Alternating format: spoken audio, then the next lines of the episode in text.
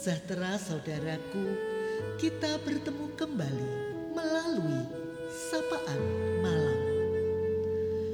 Ada berkat Tuhan untuk kita, firman Tuhan yang akan memberi kebahagiaan. Saudara, Tuhan mengizinkan kita untuk mengalami titik-titik rendah kehidupan, untuk mengajarkan kita pelajaran yang tidak bisa kita pelajari dengan cara lain. Di heningnya malam ini, marilah kita menyediakan diri kita untuk disapa melalui firman Tuhan yang terdapat di dalam dua Raja-Raja 4 ayat 39 dan 41. Seorang dari mereka ke ladang memetik daripadanya labu liar. Ambillah tepung, dilemparkannya lah itu ke dalam kuali serta berkata, Cedoklah sekarang bagi orang-orang ini supaya mereka makan. Maka tidak ada lagi sesuatu bahaya dalam kuali itu. Saudara, kelaparan melanda hidup umat Tuhan di zaman Nabi Elisa. Umat Tuhan tidak kebal dari musibah. Nabi Elisa berkata kepada bujangnya, "Taruhlah kuali yang paling besar di atas api dan masaklah sesuatu makanan bagi rombongan nabi itu." Bagaimana bisa memasak kalau tidak ada makanan? Di saat tidak ada lagi yang bisa dilakukan, satu hal yang dilakukan Elisa ketika ia menyuruh menaruh kuali yang paling besar di atas api adalah suatu simbol ia meminta umat untuk percaya kepada Tuhan. Seorang dari hambanya menuruti apa yang dikatakan Elisa. Seorang ke ladang dan kembali membawa labu liar. Langsung diiris-iris dan dimasak.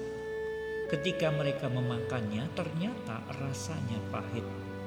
Suatu bencana susulan hampir saja terjadi.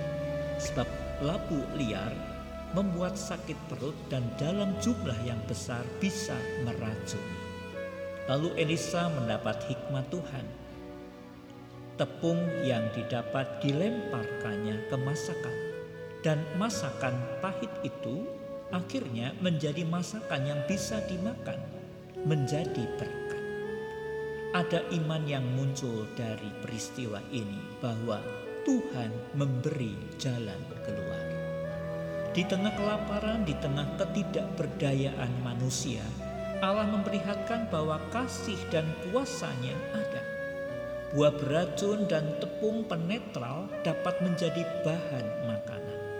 Allah memimpin melalui proses perjuangan yang tidak mudah dan akhirnya menjadikan bahan makanan yang berbahaya menjadi makanan yang berguna. Menghadapi pandemik, kondisi umat saat ini sama dengan umat pada masa Elisa, yakni tidak berdaya. Ada begitu banyak dampak yang ditimbulkan terkait ekonomi, lapangan kerja, sosial, dampak studi bagi anak-anak, psikologis, dan masih banyak yang lain. Yang imbasnya terus dirasakan dan bisa bertahun-tahun. Tentunya juga banyak hal positif yang diterima umat Tuhan saat ini.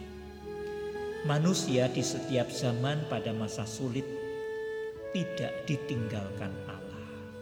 Ingatlah hari ini akan kisah Elisa. Semua orang di zamannya masing-masing ada bahaya. Mereka rentan terhadap derita dan bisa jatuh. Ada ketidakberdayaan, namun ada iman di dalam bahaya itu bahwa Allah berkuasa. Allah mampu menggunakan yang buruk, labu liar yang beracun untuk memberikan makan kepada anak-anak Tuhan untuk menyelamatkan mereka dari kelaparan. Hal yang tidak mungkin menjadi mungkin di dalam Tuhan. Di tengah ketidakberdayaan kita, ada proses yang dipakai Tuhan untuk menjadi berkat. Manusia tidak bisa mengendalikan situasi, tidak bisa mengandalkan diri sendiri. Namun bersyukur bahwa kita masih menyaksikan Allah itu setia dan dapat dipercaya. Tuhan sanggup mengubah kesulitan menjadi berkat. Kita akan semakin takjub akan kuasanya.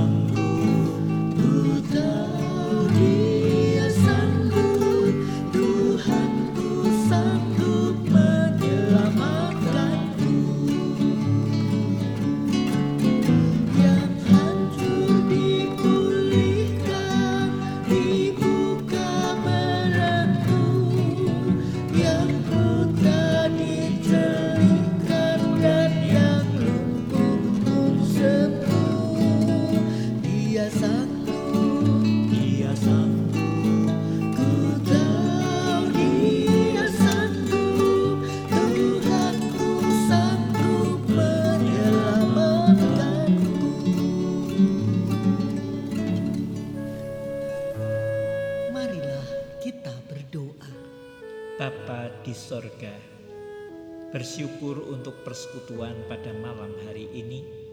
Berkatmu mengalir melalui firmanmu yang mengingatkan bahwa betapa ringkihnya manusia berhadapan dengan bencana. Namun Tuhan kami boleh selalu berpengharapan kepadamu berdoa untuk setiap kemelut, setiap masalah, dan bahkan bencana. Teguhkan iman anak-anakmu. Berdoa untuk mereka yang sakit. Tuhan pulihkanlah, kuatkanlah yang lemah. Berikanlah selalu semangat untuk kehidupan kami bahkan tetap menjadi berkat di tengah situasi bencana sekalipun. Terima kasih Bapa, malam ini kami serahkan kepadamu Tuhan yang akan menyertai setiap kami. Dalam Kristus Yesus kami berdoa. Amin. Selamat malam saudaraku. Tuhan sanggup mengubah kesulitan menjadi berkat. Selamat beristirahat. Tuhan Yesus memberkati.